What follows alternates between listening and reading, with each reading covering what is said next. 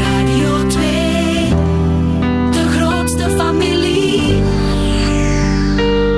Goedemorgen, ik zit in de rotonde in Westende aan de ontbijttafel met Tom Waas. Dag Tom. Goedemorgen.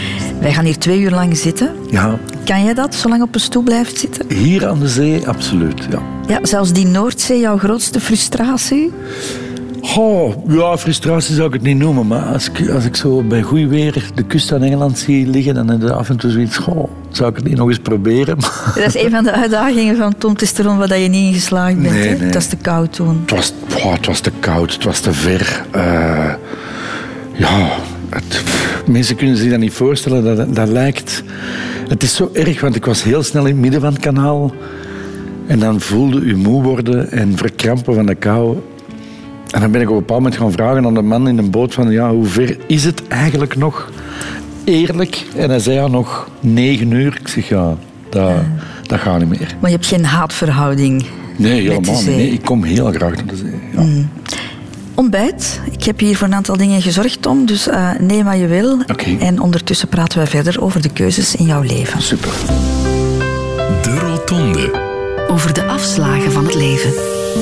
Met Christel van Dijk. Tom Waas, we zitten hier in de Rotonde in Westende. Dat is een historisch gebouw met inderdaad een prachtig uitzicht op de zee. Nu, jij hebt al heel wat gezien natuurlijk in jouw leven. Hè? Ik denk niet dat jij nog eh, dikwijls van je stoel valt wat het uitzicht betreft. Hè? Ehm, ja, ik vind dat, dat is soms een handicap. We, we hebben dat, dat, dat gesprek eh, wat je nu zegt, hebben we met de cameraploeg al een paar keer gehad. Dat we zeggen van, goh, we zijn zo verwend door hetgeen dat we gezien hebben, dat, dat het soms lastig is om, om, zoals jij zegt, om nog van je sokken geblazen te worden door, eh, door iets. Maar het ligt hem soms gelukkig meer in kleine dingen zo. Allee, gelijk, ik heb al veel mooiere, azuurblauwere kusten gezien dan, de, dan onze eigen kust. Maar hier nu met dat guur weer en zo die, die zee hier vlakbij, die pieren, ik vind dat toch, vind dat toch iets hebben. Absoluut. Ja. En ik zou graag hier eh, het hebben over de rotonde van jouw leven. Beste Tom, de afslagen die jij genomen hebt. Allicht heb je er ook enkele gemist. Of heb je er heel lang over moeten doen om, om, Absoluut, om absoluut. sommige te nemen. Hoe maak jij de keuzes in jouw leven, Tom? Gaat dat snel? Is dat impulsief? Eh, Dat is een hele goede vraag. Ik denk soms impulsief, maar, maar meestal berekend. Ik kan eh, lang malen in mijn hoofd om een beslissing te nemen. Dan, Toch? Ja. Dan praat ik met mensen. Dan hoor ik eens, wat zou jij doen? En dat zijn dan meestal zo mensen in je leven die, die ofwel iets betekenen voor u, of waar dat je soms naar opkijkt, of waar dat je van denkt, ah, die is daar geraakt, die zal wel de juiste afslagen hebben genomen. Dat is een voorzichtige mens, dat is een avontuurlijkere mens. Het is soms door met die twee te spreken dat je ergens tot een beslissing durft komen. Wel, wij gaan jouw persoonlijke wegenkaart even bekijken. Maar ik zou iets willen doen aan eh, jouw Wikipedia-pagina. Een beetje opvrolijken. Eh, want als we die nu openslaan op het internet, dan lezen we dit. Tom Waas, Antwerpen 7 november 1968, is een Belgisch acteur en televisieregisseur en presentator. Hij is vooral bekend van de programma's Het Geslachte Pauw, Tom Testerom, Reizen Waas en Wouters versus Waas. Voilà, dat is een, een zakelijke opsomming. Gaat een beetje voorbij aan jouw persoonlijkheid. Dus we hebben aan Han Koeken, stand-up comedian, even aan het werk gezet om daar wat meer schoen aan te geven. Tom Waas, geboren op 7 november 1968 te Antwerpen. Maar niet zonder slag of stoot, zegt moeder Peggy. Ik heb eh, 22 uur eh, afgezien. En het zou niet de laatste keer zijn dat zij haar peren zag met Tom. Na de eerste schooldag in de kleuterschool werd zij al op het matje geroepen. Tom kwam net iets te hevig in contact met het brilletje van een collega-kleuter. Dus ik kwam vragen of ik een eh, familiale verzekering had. De hevige kleuter werd een knappe student, maar toch liep het vanaf het middelbaar heel moeilijk. Zijn vriend Tom Leenaerts is rechtuit. Ik denk dat dat de reden is dat naar school gaan ook niet zo evident was. Omdat hij vaak gewoon vier versnellingen sneller zit dan de rest. Een rebelse puber was hij. Als moeder wit zei, dan zei Tom zwart. En dat speelde zij soms ook wel listig uit. Als we dus wilden dat hij iets deed, dan stelden we het tegenovergestelde voor. Eh, nee, nee, vooral de afwas niet doen, want eh, ik zou niet willen dat je die glazen of zo eh, kapot maakt. En ja, ja, Dan begon hij eraan. En die rebelse puber trok al op 18-jarige leeftijd de deur van het ouderlijk huis achter zich dicht. Maar Tom was een plantrekker eerste klas. Om te overleven hield hij samen met zijn vriend Arne Tjolle een nachtwinkel open midden in de hoerenbuurt van Antwerpen. Dus er kwamen studenten, er kwamen eh, de hoerenlopers, maar ook vooral de hoeren zelf. Want hij verkochten ook condooms, eh, keukenrollen. We kochten eigenlijk alle, al hun werkmateriaal. Van nachtwinkel naar nachtleven, het was een kleine stap. En dus ging Tom werken als buitenwipper in Café d'Anvers. Zelf Tom Leenaerts was onder de indruk. Tom kon, die kon mensen aan de deur zetten, die had ook geen schroom. Hij speelt ongelooflijk goed de macho en het is eigenlijk een geweldige acteur. Een buitenwipper die je best niet kwaad maakt. Daar kan ook zijn goede vriend Eddie Plankaart wel van meespreken, die er soms een sport van maakte om Tom uit te dagen. Godverse klotzak, plakkers, laat mij gerust, en spelen, laat mij gerust, klotzak. Maar Tom heeft één groot talent. Als hij ergens voor gaat, dan gaat hij ervoor. En zo belandde hij via Tom Leenaerts en Bart de Pauw bij Woestijnvis, alwaar hij zich meteen als een vis in het water voelde en zich ontpopte tot een ware tv-ster. En de rest is history. Dat is meer Tom Waas, hè? Je mocht aanpassen, de pagina. Tom Waas, ik wil het even over, over jouw eh, jeugdjaren hebben. Een, een doorsnee gezin eigenlijk. Hè? Mama lerares, papa Bouwkundig tekenaar. tekenaar, ook Ja. nog vertegenwoordiger geweest, Ja, eh, toch ook nog. Een broer eh, van een jaar jonger. Enfin, een, een on- onbezorgde, gelukkige jeugd. Ja, ja, ik durf gerust zeggen, een hele ja, leuke, aangename jeugd. Ik heb er eigenlijk alleen maar goede herinneringen aan. Een goede band ook met jouw ouders. Goeie band met mijn ouders, goede band met mijn grootouders. eh goede band met mijn broer. eh, opgegroeid in Edegem, wat, wat toen nog eigenlijk een beetje een landelijke gemeente was. Dat is nu wat vol, volgebouwder. Maar eh, ja, dat was... Ik, heb, ja, kan niet anders zeggen dan dat ik een goede jeugd heb gehad. Mm, maar dan kwam, hè, waar, waar we het dan net al over hadden, Ja, dan toen kwam die puberteit. En dat is toch wel iets waar jij serieus hebt mee. Ja, dat, ik, ik wist met mijn testosteron blijkbaar geen blijf. Ik wist met mijn lijf geen blijf, met mijn kop geen blijf. Met een echte puberende... Ja, ook zo ineens van, van, van de lagere school in Edegem, in dat klein landelijk gemeenteke, naar een ateneum in Antwerpen. Wat aan mijn wereld open ging. Ik weet nog, ik moest de bus pakken van Edegem naar het Centraal Station. En dan een kilometer lopen naar het Atheneum van Antwerpen. Ja, die eerste keer die kilometer door de stationsbuurt, eh, waar lunaparken waren, waar stripteaseclubs waren, waar cafés waren die nog open waren, s morgens vroeg, waar daar zatlappen nog op terras zaten. ehm, oh, dat was voor mij een, een, nou, een. Maar was dat iets waardoor dat je meteen aangetrokken voelde? Goh, ik heb toch wel wat klein geld eh, eh, in die lunaparken versleten. ja. Eh, dus ik stopte dat wel en dat mocht dan niet van ons mama. ja, Maar was dat voor jou ook een moeilijke periode? Kan je dat nog herinneren, dat je, dat je Absoluut, want echt in denk- de knoei lag met jezelf? Ja, absoluut. En, en ik herken dat nu bij mijn eigen zoon bijvoorbeeld ook heel hard. En, en al mijn vrienden zijn ongeveer dezelfde leeftijd, hebben allemaal kinderen van die leeftijd. Als je die 16, 17, 18-jarige slungels ziet rondlopen, die met hun eigen lijf ook in een blijf weten, dan kan ik me dat heel goed voorstellen. Dat je dan denkt, ja, dat is... Ja, puberteit is een vreselijke periode, hè, eigenlijk. Ja, niet alleen voor jou, maar ook natuurlijk voor, voor jouw Tuurlijk, ouders. hè? tuurlijk. Want ja, alleen ons mama zei het ook wel, ik, of het zat er even in. Ik, ik was een goede student en dat ging eigenlijk allemaal heel goed. En op een bepaald moment ja, zit in die school en het interesseert je niet meer. En de leraar is van voor aan het spreken en je zit met je hoofd helemaal ergens anders. En ja, dat was, dat was geen gemakkelijke periode. Ik heb het vierde middelbare uiteindelijk op het Atheneum van Antwerpen nog uitgedaan. Dan ben ik blijven zitten. Ben ik naar het Sint-Lewis College gegaan in Antwerpen. Daar ben ik weer blijven zitten. Dus ik heb drie keer het vierde middelbaar gedaan. Ehm, dan ben ik weer verhuisd naar het Atheneum van Berchem. En daar heb ik wel mijn klik gemaakt. Zo. Ik was heel hard geschrokken dat ik voor de tweede keer bleef zitten. In datzelfde jaar. En dan dacht ik, wacht even, Waas. nu moet er iets gebeuren. En dan, Ja, je eh, voor de derde keer het vierde middelbaar moet doen. ja, dat ken ik heel goed, dat vierde middelbaar. Maar ik zou dan denken, je gaat niet graag naar school, je bent dat daar beu. Maak dan dat je er vanaf bent. Ja, ja, je zit precies mijn mama in die tijd. Ze is hetzelfde. Nee, nee, maar dat is zo, tuurlijk. Allee, ik kan niet ontkennen dat als er één ding is in mijn leven dat ik opnieuw zou willen doen, dat het dat is. Hè. Ik zou maken dat ik gewoon oplet op school en maken dat ik er door was. Wat hebben ze allemaal geprobeerd om jou op dat juiste spoor te brengen? Alles. Alles. Eh, eh, straffen en dan niet straffen, praten, niet praten. Alles. Maar ja, je moet daar door. Hè. Nu, tegenwoordig worden kinderen zoals jij een beetje in een hokje gestopt. Hè? Ja, ja dat, ik denk, moest ik toen die- eh, een diagnose hebben, laten stellen, dan had ik zeker ADHD waarschijnlijk en eh, al die dingen. Eh, zoals de meeste kinderen tegenwoordig. En had je allicht ook medicatie gekregen. Ja, had ik relatine gekregen waarschijnlijk. Ja, Ben je blij dat je daarvan bespaard ja, ja want uiteindelijk... Allee, pff, allee, ik, ik kan niet zeggen dat ADHD niet bestaat, maar... eh, aan de andere kant, la- laat kinderen misschien ook maar eens gewoon puberen. Hè, en dat ze met een kop ergens tegenlopen, dat is misschien ook eh, geen slechte les. Ik denk dat dat bij mij het geval geweest is. En van hun tekortkomingen kunnen ze ook gaves maken. Voilà, voilà. Gaan we het zo omschrijven? Ik hoop het, dat vind ik een schone omschrijving en een goede excuus.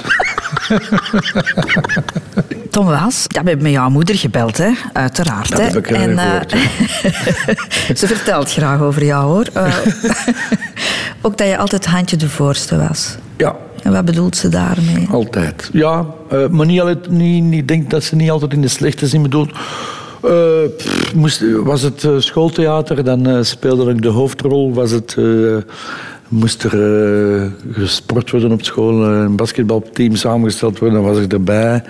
Ehm, op familiefeesten, ja, op, op vakantiekamp de Bontenavond, die organiseerde ik. Ja, Ja, een bijter, zo noemt eh, Tom Leenaerts jou ook. Dat is een soort topsporter die tijdelijke zin voor relativering kan verliezen en daardoor zich 200% voor iets kan smijten. Ja, Ja. Schoon dat hij dat zegt. Ja, dat is, ja. Denk, moest ik, eh, moest ik me daar toen wat meer op geconcentreerd hebben. Allee, ik herken veel van topsporters in mezelf en ik ben absoluut geen topsporter. Ik bedoel, als je ziet wat die mensen moeten laten op jonge leeftijd. En, eh, maar het karakter snap ik heel goed. Ja. Mhm. maar je hebt ook de mentale weerbaarheid hè, van, Dat heb ik wel, ja. van, van een sporter. Ja. Ik weet niet waar dat ik dat heb. Ik denk dat het een combinatie is van... Mijn papa is een West-Vlaming. Een noeste werker. Mijn, mijn grootvader was een heel open, enthousiaste mens, maar ook een heel harde werker. Eh, vijf jaar in krijgsgevangenkamp gezeten. Allee, zo. Ik denk dat, dat dat zit daar ergens in. Zo. Ik denk dat wij... Ik dat met mijn broer ook zo opgevoed op een manier ja, hard werken en dan komt er wel. Zo, dat, Mhm. Maar ja, het is ook een, een kwestie, je- je smijten en dat doe jij eigenlijk 200% in alles wat je doet, maar eigenlijk ook zo in, in de meest onnozele dingen. Ja. Eh, Dat zegt jouw vriend Arne bijvoorbeeld. Als het voor iets gaat, dan, dan, ehm, dan is het all the way. Dat is ook zo met, met, met eh, boeken of film of eh, als je een artiest goed vindt. Hij was vroeger eh, zot van Tom Waits, dan koopt hem ook ineens alle cd's van Tom Waits, terwijl er misschien ook wel een paar heel slechte tussen zitten. Dat maakt niet uit, hij moet die gewoon allemaal hebben. ja, dat is toch een vreemde karaktereigenschap? dat is absoluut zo. En dat is eigenlijk, als ik er nu over nadenk, nog altijd zo. We gaan nu binnenkort met onze vrienden gaan fietsen. We hebben zo'n wielerclubje. Vorig jaar zijn we van Schoten naar Egalier gefietst. Dit jaar fietsen we van Barcelona naar Marbella. Ja, en dan op een bepaald moment voelen we... Oké, mannen, we moeten beginnen trainen. En dan, dan stak ik bij, om zeven uur bij, bij mijn vriend aan de deur. Ja, zijn we weg. en dan zegt hij, wauw, alstublieft. Het is zaterdagochtend, laat ons berust. Ja, ik heb dat nog altijd. Dat is iets raar, hè? Dat is iets raar, ja. Ook vermoeiend, denk ik dikwijls. Eh, ja, maar ik, ik kan niet anders. En ik doe dat ook heel graag. En dat is soms frustrerend. Voor, ik, heb, ik twee jaar geleden een piano gekocht. Ik wou absoluut piano leren. En ik heb heel veel lessen gepakt. En dat ging eigenlijk heel goed. En dan in één keer ja, begin je terug aan reizen waas. En die, je die tijd niet meer. Dat frustreert me dan heel, heel erg. Maar inderdaad, ja, dat is weer herkenbaar. Die piano staat daar. Binnen de twee weken had ik een piano gekocht. Eh, En wat zijn de leraar? die, die bureau ligt vol met afgeprinte partituren die ik niet kan lezen. het, is zo, het is verschrikkelijk. Schrik heb jij ook niet, Tom? Ehm, denk je dat er sommige mensen een soort van gevarengen missen? Maar dat is een foute perceptie, denk ik. Ehm, ik heb wel schrik. En, en dat gaat niet anders, want anders zijn ze zot. Dus ik heb dat wel. Maar ik kan, mits de juiste begeleiding en, en de juiste knop omdraaien, die, die schrik kanaliseren in concentratie en denken... Als ik het zo doe, dan... Maar je hebt dan geweldige dingen gedaan, hè? die marathons in een bloedhete Sahara. Je hebt eh, je bont en blauw laten slaan in een boxing. Je hebt met sledehonden gereden. En nu, ik denk als je daar dan in slaagt, dat dat een geweldig gevoel geeft. Ongelooflijk. Dat is... Dat is, allee, dat is de reden waarom dat ik daar drie seizoenen van gemaakt heb van Tom Testerom. Omdat dat, dat gaf mij echt voldoening. Maar hoe, hoe, hoe lang blijft dat gevoel van, van euforie duren? Ehm, ja, die echte euforie aan die aankomst, dat duurt een half uur. En dan staat het terug met je voeten op de grond. Maar de voldoening blijft wel. Blijft wel. Maar hoe lang duurt het dan voordat je onrustig wordt en dat je terug... Ehm, totdat ik voor de volgende uitdaging sta. En dan, dan kan ik me terug opladen. Want ik kan me voorstellen dat dat, dat is eigenlijk zoals een soort verslaving, hè?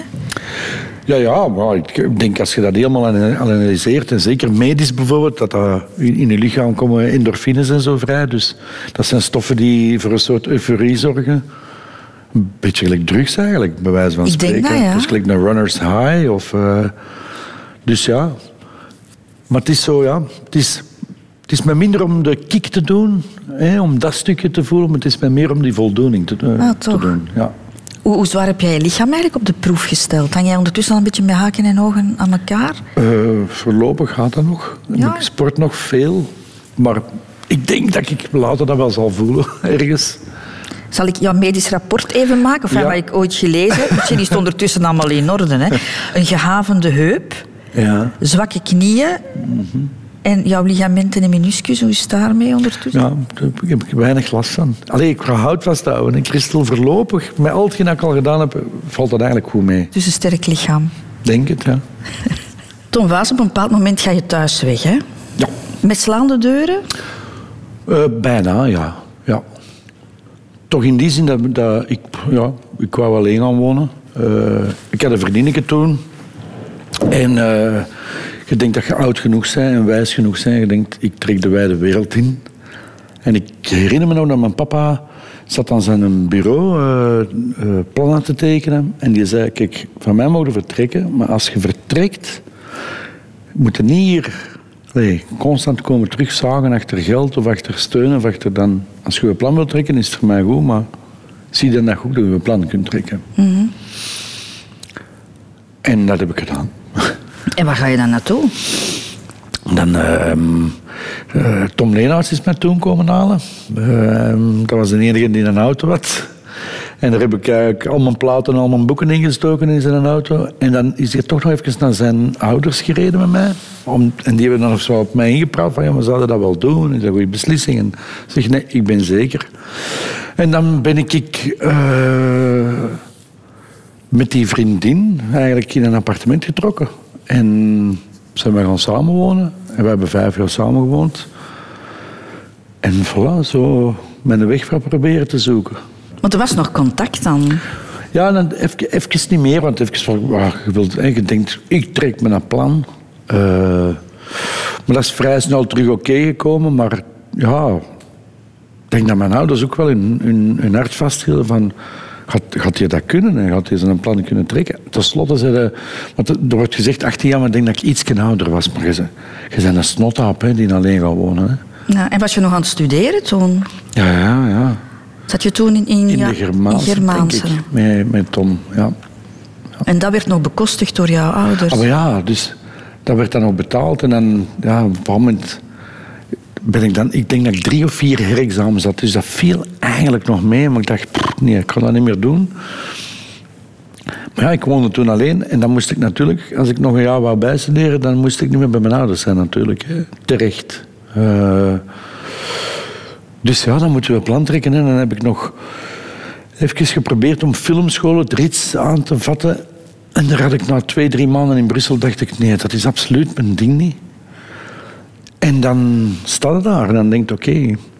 En Arne, Die eh, werkte toen in een nachtwinkel, videotheek was dat toen, videotheek nachtwinkel. En ben ik daar ook gaan werken, bijklussen. Ehm, ondertussen verder gestudeerd als, dat heette dan operator onder water werken als beroepsduiker. En dan ja, beginnen werken en ja, proberen nieuwe plan te trekken. Hè. Wat mij, als ik er nu terug over nadenk, dat de, ja, eigenlijk een ongelooflijke periode was. Want ik denk wel dat mijn ouders dan een tijd zagen van, godverdikke, hij doet het wel. Maar voor jou was het geen breuk, maar ik had de indruk dat voor jouw moeder toch wel even een breuk was. Ja, toen. ja, voor mijn mama was dat... Ja, ik snap dat ook nu heel goed. Ik heb zelf nu kinderen van 17 en 18 jaar. Dat is mijn, dat is mijn eigen dochter of zoon die binnen twee jaar zeggen... Ik ga het huis uit. Ik zou ook mijn hart vasthouden. Snap je? Dus ik snap dat heel goed. En mijn broer is blijven zitten totdat hij 26 jaar was, denk ik. Heeft hier thuis gewoond. Gelukkig hadden ze die nog. Ja, ja, dus dat is... Deed die het wel Dus dat, allemaal goed? dat contrast is dan eh, is heel groot natuurlijk. Ik weet nog dat ze, dat ze zijn me dan een keer komen bezoeken in Café d'Anvers. Stel u dat voor. Die, die een 20-jarige zoon die als portier in een discotheek werkt en uw ouders die dan u komen bezoeken. Ja, ik zag die wel in die discotheek zo rondkijken met een blik van mannekes toch. Waar is, waar is hem nu in terechtgekomen? En dan begin je als beroepsduiker te werken en dan ja, dan zit je daar in een heel gevaarlijke job en dan zit uw mama waarschijnlijk weer thuis te denken, jongens, jongens toch. En dus was- ik denk dat die mensen nu heel blij zijn dat ik, dat ik ben wie dat ik nu ben en dat ik ben wat ik nu ben. En jouw broer heeft een ander parcours doorlopen? Mijn broer die wist eigenlijk zeer snel eh, wat hij wou. Dat is een eh, eh, ingenieur in de automechanica. Wist dat eigenlijk van zijn 15, 16 jaar. Als ik thuis kwam en ik deed de garagepoort open, dan was die een brummer uit elkaar aan het vijzen. En als hij 18 jaar was, zat hij met zijn kop in de motorkap.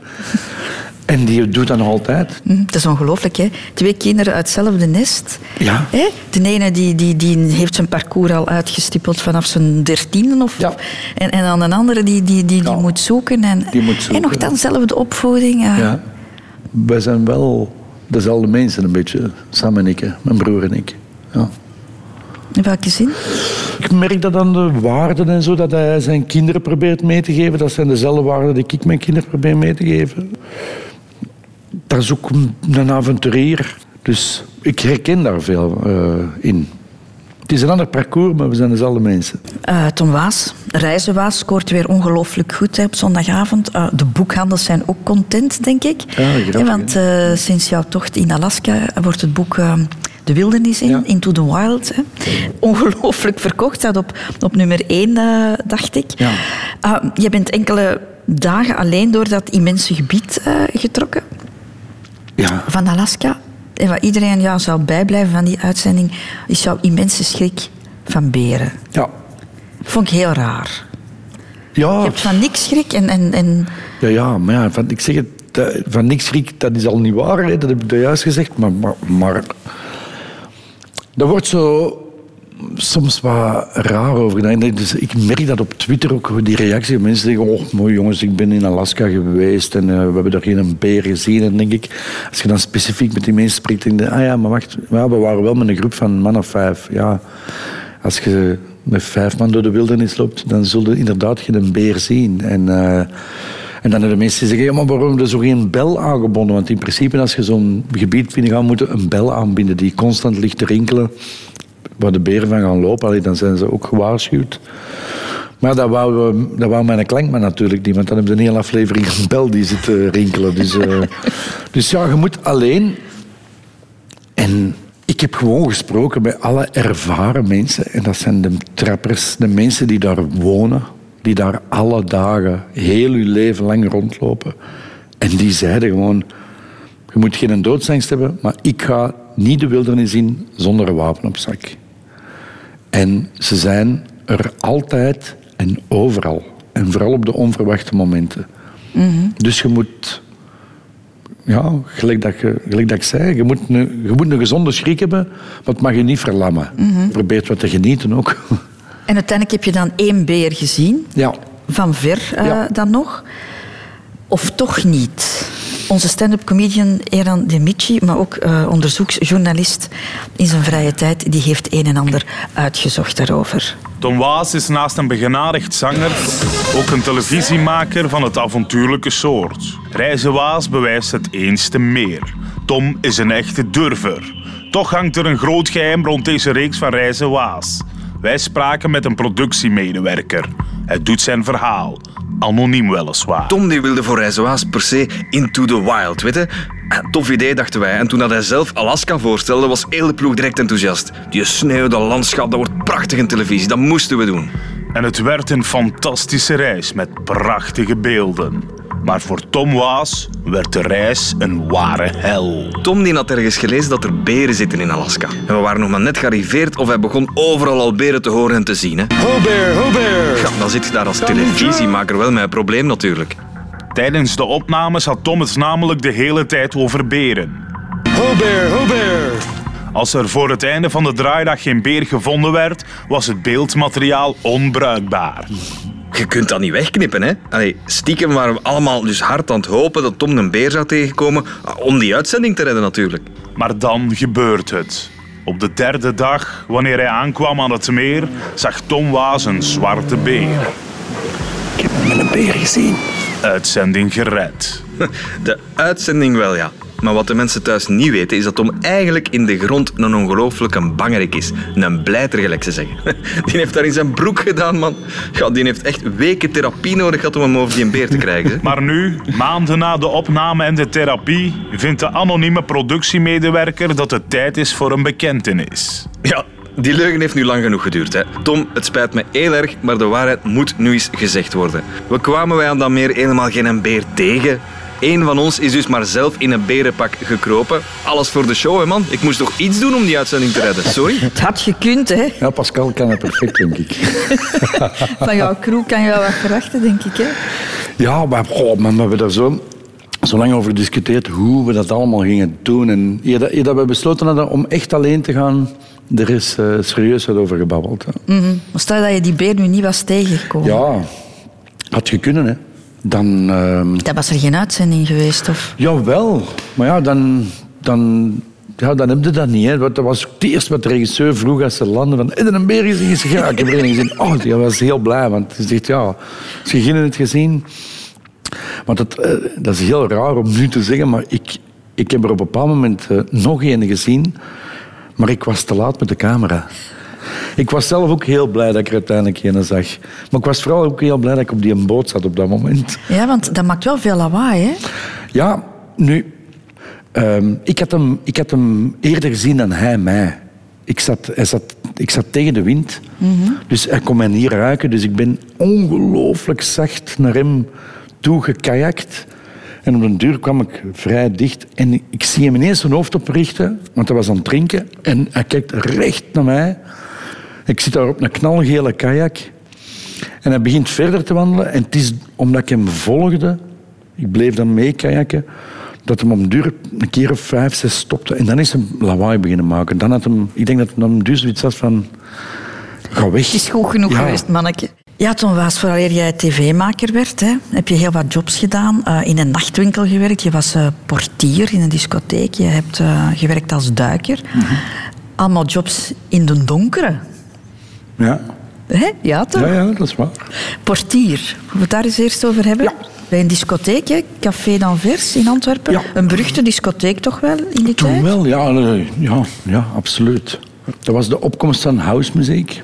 Ja. Mhm. En- Maar jij dan als portier? Ja, dat is...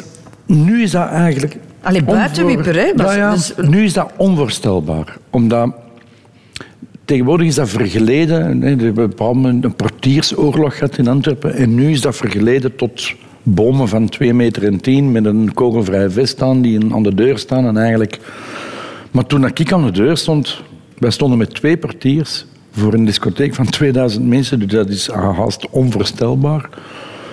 Maar wij waren meer gastheren dan, eh, dan, dan buitenwippers. Maar toch, allee, wat mensen samenkomen s'nachts, er wordt gedronken, er worden misschien nog wel andere dingen genomen. Ja, ah, wel, dat was...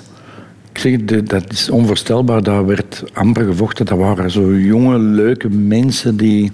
Van waar dat allemaal kwamen, wie dat ineens die housemuziek leerden ontdekken, ik weet het niet. Maar dat was, ja, dat was eh, de zomer van 92, noemen wij dat. Dat was een ongelofelijke zomer. En dat, dat ontplofte zo. Ja, dat, was, ehm, dat, werd, dat werd bijna niet gevochten. Dat was on, onwaarschijnlijk. In het midden van, die, van de Rosse buurt in Antwerpen. Hè. Dat is eigenlijk onvoorstelbaar. Wat heel hard werkte, was dat, dat was op een duur een zodanig trendy zaak waar dat iedereen binnen wou zijn. Dat je macht aan de deur zodanig groot werd als je zei van als je iets mispeut binnen kom je er niet meer in. Dat wouden de mensen niet. Dus op een of andere manier lieten mensen hun vrienden, waar dat ze van wisten, die gaan straks voor problemen zorgen, lieten ze eigenlijk al weg. Ah, ja. Ja, het is onwaarschijnlijk. Het is Echt moeilijke situaties ben je daar dan niet echt tegengekomen. ah, Je hebt daar niet moeten vechten. Nee, we hebben dat wel af en toe, zoals jij zegt, een zatlap moeten buiten dragen. En, eh, of course. Maar nooit niet zo dat, dat zinloos geweld aan die deur. En dat is wel na een aantal jaar begonnen. Dan kreeg je een soort portiersoorlog. Dan, ja, en dan is er een hoop regels gekomen. Eh, je moest een kogelvrij vest dragen, je moest een opleiding volgen als secure. En dan had ik zoiets, bon, nee, dat is absoluut mijn jive niet. En dan zijn Jean-Jacques en ik allebei gestopt. Ja. Maar, maar- maar misschien had je ook wel oog voor het inschatten van, Ja. van moeilijkere situaties. Ja, ik denk dat, eh, dat mij dat allemaal heel hard geholpen heeft. Ja. En, eh, en ik heb aan die deur heel veel geleerd. Ik heb aan die deur heel veel, mensen leren inschatten, situaties leren inschatten, zien wie dat... Ja, heel hard rondkijken, heel hard in uw ooghoeken kijken. En ja, dat heb ik echt geleerd. Heeft jou dat ook geholpen op jouw reizen Ja, bijvoorbeeld? dat leert, ja, dat leert, dat leert u niet te snel panikeren, maar wel heel snel in te schatten van hier is het fout of we moeten hier weg. Mhm. Maar wat dat jij ook hebt, is dat je met iedereen overweg kan. Hè? Ja. Dat je mensen ook heel snel doorgrond... eh Ja, doorgronden weet ik niet, maar ik kan, ik, ik, ik kan mij mogen eigenlijk overal zetten. Ik kom iedereen overweg. Ja. Heeft dat te maken met al die jobs die je gedaan hebt, denk je? Dat denk ik wel. En ook openstaan, dat vind ik heel belangrijk. En veel mensen zijn eh, vaak gesloten naar andere werelden toe of, of naar andere mensen toe. Of laten. Ik ben nogal open. Je hebt nog zo'n rare job gedaan. Hè? Je, hebt, je hebt voor België... Ah, nee, ik, ik moet nog even... Dat, dat vind ik nog, dat wist ik niet. Hè, we over dat portier zijn. Ja, ja, dat zou ik nog bijna vergeten. Ehm, je deed daar soms meer dan alleen maar portier zijn. Hè? Ja, ja, Ja. ik heb het van Tom Leenaerts gehoord. Als zijn vriendin ziek was en er was dus geen wc-madam, kon hij even goed avonden wc-madam spelen.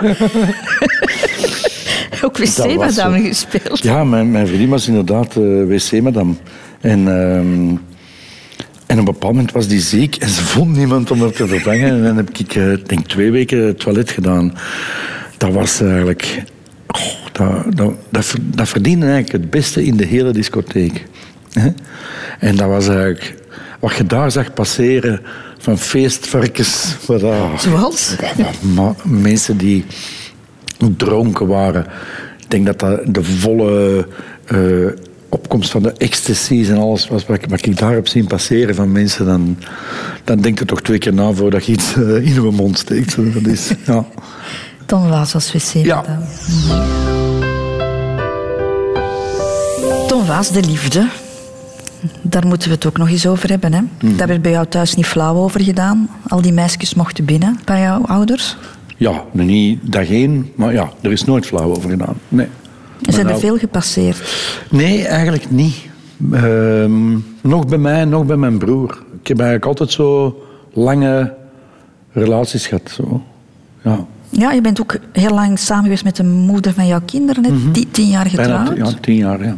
ja. Ik heb heel wat gasten hier in de rotonde gehad die, eh, die gescheiden waren. Eh, en wat mij wel dan opviel telkens weer, is dat de meeste mensen dat als een van de grootste mislukkingen in hun leven beschouwen. Ja, dat is. Ik, daar herken ik mezelf wel in. Eh, Ik ben wel getrouwd destijds in mijn hoofd, dat is voor de rest van mijn leven. Hè?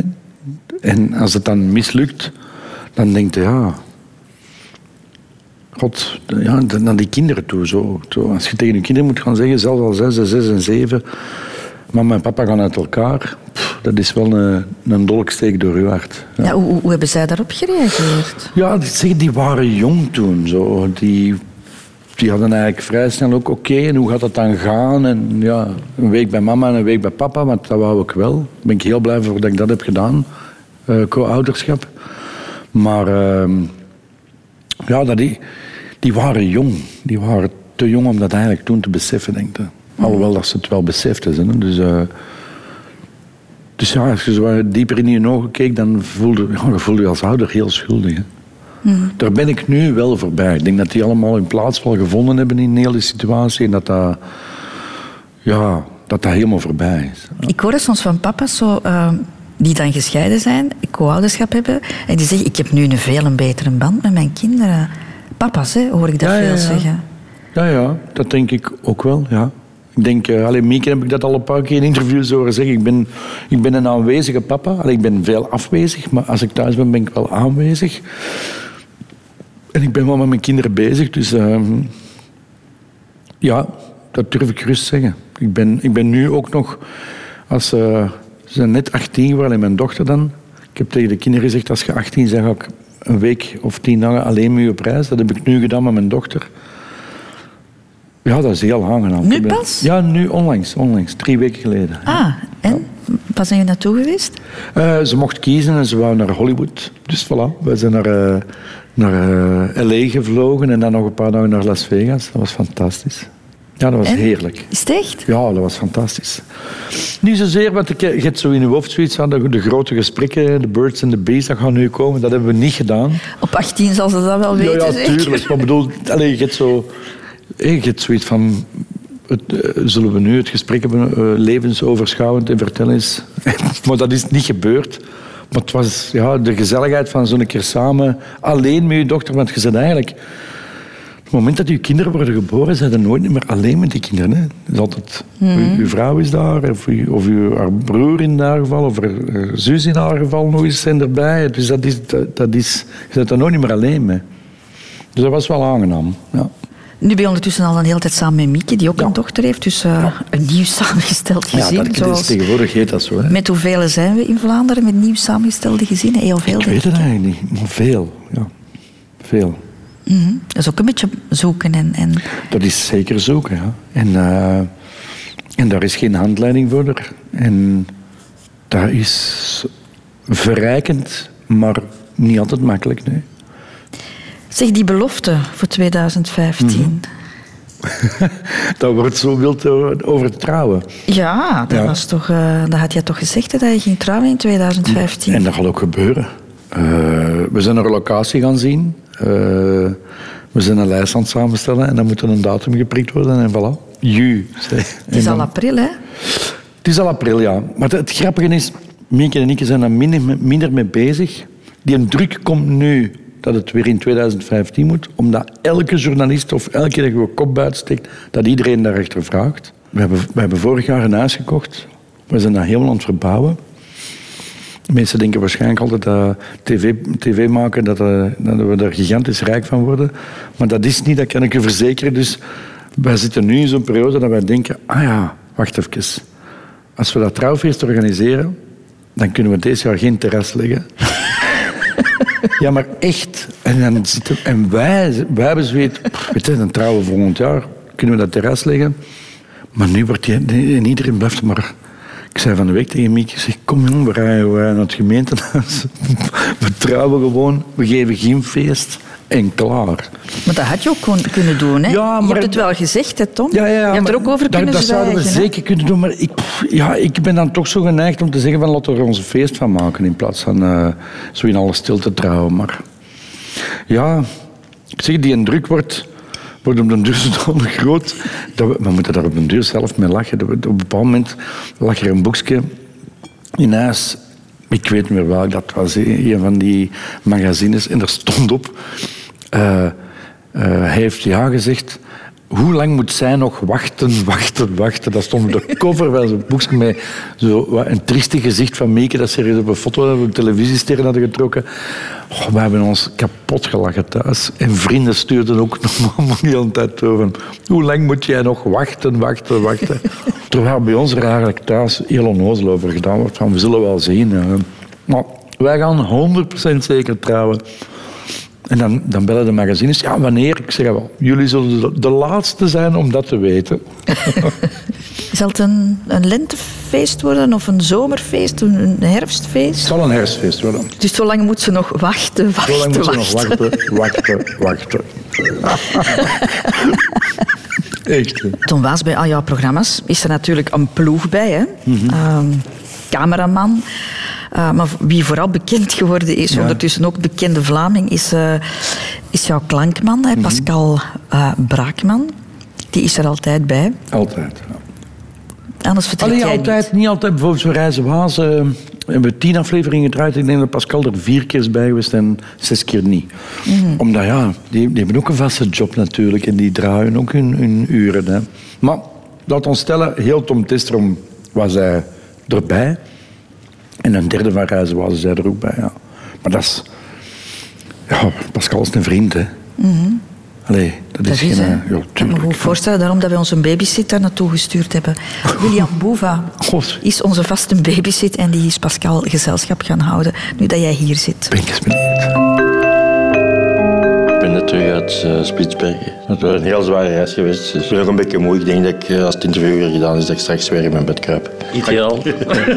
Dan maakt het babysitten iets gemakkelijker voor mij. Ja, we- we- we- eh, je weet het bier staan, je weet de tv staan. Doe maar wat je wilt. Het is, het is allemaal van u, William. Perfect, kijk goed. Zeg, vertel eens, Thomas, wie is dat voor u?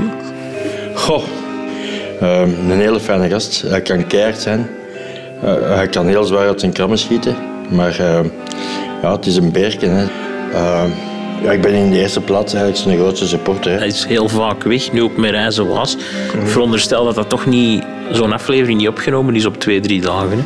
Nee, meestal is dat uit 10 dagen tot 14 dagen. Ja, je bent veel weg, maar dat is een manier van leven. Hè. Je bent veel weg, maar als je dan thuis komt, is het, eh, thuis komt, is het weer plezant. Hè. Ik denk dat mocht Tom eh, ergens een vaste job hebben, dat hij thuis ook niet te genieten zou zijn. Als je hem zo ziet op tv, je hebt altijd een beetje het gevoel, die mens die kan alles. Hè. Zijn er ook dingen dat hem niet kan? Ah, ja, maar die doet hem niet, hè. ja, dat zou stom zijn. Dat zou stom zijn om dingen die je niet kunt. Er is ook nog een anekdote, alleen het is eigenlijk geen anekdote. Maar telkens bij Tom Testrom dat Tom iets gevaarlijk deed, was het eh, net voordat hij ging starten. Dan eh, ging ik bij Tom en dan zei ik van Tom, eh, als er iets gebeurt, eh, krijg ik uw cd's. ja, ja. En, eh, Wat zei hem dan? Uh, wat. Ja, ik weet dat de lot op het verkeerde moment was. Uh, ik dat vroeg, maar ik wou dat dan een beetje relativeren. En ik vroeg hem dat elke keer bij elke opdracht van uh, Tom, uh, als er iets fout gaat, dan uh, krijg ik u cd's. En nu onlangs als hij verhuisd is, gingen we al zijn cd's buiten smijten, want hij heeft die allemaal gedigitaliseerd. En hij belde mij op en hij zegt van, Skalle, kom eens af. En ik ga naar zijn nieuw huis en daar stonden al die cd's klaar. Ik heb die allemaal gekregen. Fantastisch. We stoppen, dus ik heb uh, Thomas zijn cd's. Dus als we nog iets, als we een nieuw programma uh, gaan maken, dan ga ik iets anders moeten zoeken. Hè. Met Tom krijg ik u... Uh, nee, daar mag ik niet aan denken. Ik ga het niet zeggen, het is verdraaid. Oh, jongens. Maar jij weet wat hem bedoelt. Ja, Tom, krijg ja, ik u. krijg uw vrouw. Dat gaat hem zeggen. Goh, het, we hebben zoveel vaste gewoontes op reis. Wat is nog een van die vaste gewoontes? Uh, een van de vaste gewoontes is dat we zeggen, hier komt de facteur niet. Een aantal jaar geleden zitten we samen in Amerika en Nico, de cameraman, kwam rechtstreeks van Brazilië ingevlogen. Die was al een maand en een half van huis weg. Had net een nieuwe vriendin en s'avonds zegt hem tegen mij, of tegen ons, ik ga stoppen. Ik ga stoppen, als ik thuis kom, ik verkoop mijn camera en ik word facteur. Ik ben beu van van huis weg te zijn, het is gedaan. De volgende ochtend moesten we om vier uur morgens opstaan en we staan aan uh, een bergketen met een prairie met wilde mustangs te wachten op de zonsopgang om te filmen. En op dat moment komt de zon door. Nico is aan, aan het filmen. Allee, een van de mooiste zichten ooit. En Pascal die zegt, Nico, ja, de facteur, die komt hier niet. en dat is sindsdien als wij ergens komen waar dat prachtig is, het is eender waar, en we staan daar, en er is altijd een moment stilte dat iedereen dat in, zich opneemt. En dan heb je altijd iemand van ons die zegt, facteur komt hier niet, denk ik. Dat is zo... die zin moet elke reis gezegd worden. Dat geeft zo'n gevoel van, van verbondenheid, denk ik. Hè? En, soms misschien ook van geruststelling. eh. Ja, ja we, hebben, we hebben vaste gewoontes. Hè. We, we komen op avond aan. Ik regel heel de bagage. We ronden de security. Het vliegtuig is iedereen op zich. Film zien, iedereen zit in zijn eigen computer. Wordt eigenlijk bijna niet gesproken. Vliegtuig af. Ik doe alle bagage. Bert regelt een huurauto. Mannen regelen de camera's in de auto en we zijn weg. Elke avond kaarten en ruzie maken. Want Pascal is een hele zachte mens, behalve als ze moet kleuren wezen. Dan is hem een razende zot. Het is ongelooflijk, hè? De grote avonturen tegemoet gaan en dan toch een vast patroon hebben. Ja. En een vaste routine. Ja. Misschien heeft de mens daar toch wel Dat behoefte heeft aan. de mens nodig, denk ik. Ja. Tom Waas doet aan pensioensparen, heb ik ergens gelezen. Maar ja, moet je gedaan. Ja. Dus dat is wel een planning, hè? Ja, en, en waarom zeg ik dat? Dat is belachelijk van mij, denk ik. Maar ik denk altijd zo dat, dat mensen zoals jij, dat, dat die niet met dat soort dingen bezig zijn. Ja, wel, mispakt u niet. Ehm, ik heb dat helemaal in het begin van het programma al gezegd. Ik kom uit een... eh, mijn, mijn papa is een West-Vlaming, mijn mama is een Oost-Vlaamse. Ik kom vanuit zo een, een vrij beschermd nest. Dus ja, dat doe ik nu wel. Hè. In mijn ogen nog altijd veel te laat aan begonnen. Maar ik denk dat ik toch op, op mijn dertig ineens dacht van... hmm, misschien moet ik toch eens aan pensioensparen beginnen doen. Ja. En, en altijd werken en proberen... uw geld een beetje fatsoenlijk te beleggen en na te denken. En... Ja, ik ben daar wel mee bezig. Ah, ja. toch? Dus Ja. ik dacht echt van, die leeft van dag tot dag. Nee. Ik heb ook al een huis opgedaan aan onnozele tijden. Dat steek ik niet onder... Mieke wordt er zot van. Hè. Als er een, een nieuwe iPad uit is, moet ik hem hebben. Eh, ik wil piano spelen, dan staat direct een piano. Eh, als ik ga fietsen, heb ik direct een fiets. In de winter moet ik dan een mountainbike hebben. En met de bijpassende kleren natuurlijk. En allee, ja, die zegt, ja, je kunt gewoon een winkel beginnen met alle rommel dat je thuis hebt gekocht. In dat opzicht ben ik dan weer zo... pff, een, een, een big spender eh, aan, on, aan onnozele tijden. Ik heb ook al een fortuin aan reizen opgedaan, bijvoorbeeld, hè, bij wijze van spreken. Maar dat vind ik altijd ervaringen die je meeneemt. Maar je bent wel bezig met geld. Dat- en, ja. en, en voor later, de toekomst. En, en, en, en voor de later, kinderen. Ja, en voor de kinderen. Hè. Je kunt ze goede opvoeding meegeven en proberen hem ze zo goed mogelijk eh, onderweg ergens af te zetten. En dan, ja, eh, hopen dat je ze later, als jij er niet meer bent, toch nog iets eh, te kunnen meegeven. Een spaarpotje. Ja, Ja. zou ik wel leuk vinden. Ja. Je woont ondertussen ook als een echte burgerman in een, in een echt huis, Tom. Hè? Ja. In een residentiële buurt, Ja. toch wel, mogen we wel zeggen. Dus eh, weg met de alternatieve woonboot. Ja. Er waren problemen, hè? Ja, qua- dat heeft... qua- dat, ja, dat is... Maar dat is niet de oorzaak waarom dat we zijn weggegaan. We zijn weggegaan omdat, het, eh, omdat het te klein- de kamers te klein waren voor de kinderen. En omdat we... eh, dat was één grote loft. Wat vooral voor hen een probleem was, omdat ze hadden geen privacy. Hè. Eh, ze moesten altijd langs onze living eigenlijk naar hun kamers. Plus als ze hun kamer buiten kwamen, zaten ze altijd bij ons ook in de, in de kamer ineens. Dat vond ik een, een nadeel aan een loft. Maar het is inderdaad zo dat, dat, we, dat ze hebben geprobeerd om ons vanaf dag één uit de haven van Antwerpen te pesten. Dat is nu wel nooit niet gelukt, want wij zijn blijven liggen. En wij zijn blijven procederen. En uiteindelijk het, het, eh, het gewonnen. Omdat er geen enkele reden was om ons weg te sturen. Maar ik heb er geen spijt van dat die een boot weg is, zal ik het zo zeggen. Nee, uiteindelijk was het ook een vaste plek, maar ik kan me wel voorstellen dat dat in jouw hoofd dat dat een ander idee is. Ik woon op een boot, of in, in, in plaats van ik, woon in een Ik huis. iedereen die bij ons ooit aan boord is geweest, toen vond die boot fantastisch. En we hebben er heel veel ingestoken van onszelf. En die boot was echt een, een fantastische woning. Maar dat is wel een afgesloten hoofdstuk. Op een bepaald moment hadden wij zoiets ik, ik zie dat niet meer zitten. Die kamers zijn te klein, die kinderen eh, allee, die worden groter. Die, dat, dat, wordt, dat wordt aan mijn tand voor te leven. En dan hebben wij gewoon het ongelooflijke geluk gehad dat daar iemand langskwam die die boot heel graag wou. En die er super gelukkig op is. Want ik krijg nu nog regelmatig van die mensen een sms. Ik lig in Dienand, ik lig in, op de Maas, ik ben in Duitsland met die boot. Ah, die vaart ermee. Ja, die vaart ermee, die is er super gelukkig mee. Tom Waas, we hebben heel veel over het verleden gebabbeld. Maar er komen nog wel wat jaren aan, denk ik, hè, voor jou. Hè? Wat wil jij nog doen? Goh. Man. Ehm, als het eh, nog lang kan, zolang mogelijk tv maken met de mensen waar ik nu mee werk. Eh, dat vind ik superbelangrijk. Allee, ik doe dat heel graag. Ik heb een topploeg rond mij. Ehm, ja, dus dat.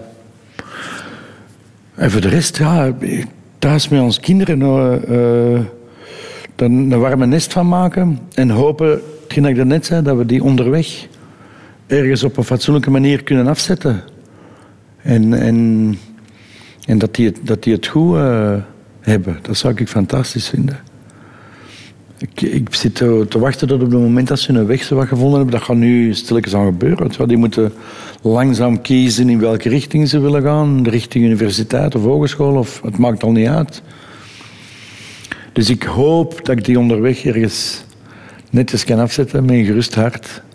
En, en, en dat je een weg vinden. En dat je op je tachtigste als een tevreden man naar kinderen en kleinkinderen Ja. kunt kijken. Ja, die saaie bompa die bluft zijn saaie verhalen vertellen dat hij ooit op een schans heeft gestaan en El Capitan beklommen heeft.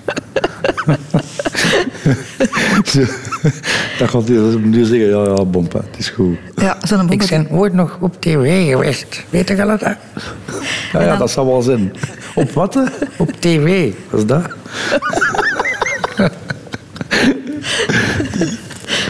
Tom Waas, dankjewel dat je met mij wou ontbijten. Heel graag gedaan. Maar nu wil ik toch wel eens eventjes naar jouw voorste tanden kijken, want dat ben ik eigenlijk vergeten. Ik heb van iedereen gehoord dat jij er zoveel problemen mee had. Ja, ik ben vanaf mijn vijf jaar een keer op mijn tanden gevallen op, op de speelplaats. En dan denk ik elk jaar terug. En die werden korter en korter en korter. En als ik een jaar of 16 was, ik denk nu, de laatste keer dat ik geopereerd ben, is een jaar of vijf geleden hebben ze daar één implantaat in gestoken. Waar ik heel veel miserie mee heb gehad. Maar je bent ook eens gevallen, denk ik, met Arne en zo. Hè? Ook dat dan een De oude- Arden heeft mij eens laten vallen in, op Valentijn, in een restaurant waar we werkten. Ja, dus Arden is eigenlijk verantwoordelijk. Is goed dat je mij eraan herinnert. Ik zal mijn fractuur naar Arden sturen. Ja. En ik eh, onthoud dat eigenlijk jouw tanden jouw zwakste plek zijn. Ja, voilà. In heel dat imposante, eh, fysiek in orde zijnde lijf. Ja, voilà. Dankjewel, Thomas. Heel graag gedaan, Christel.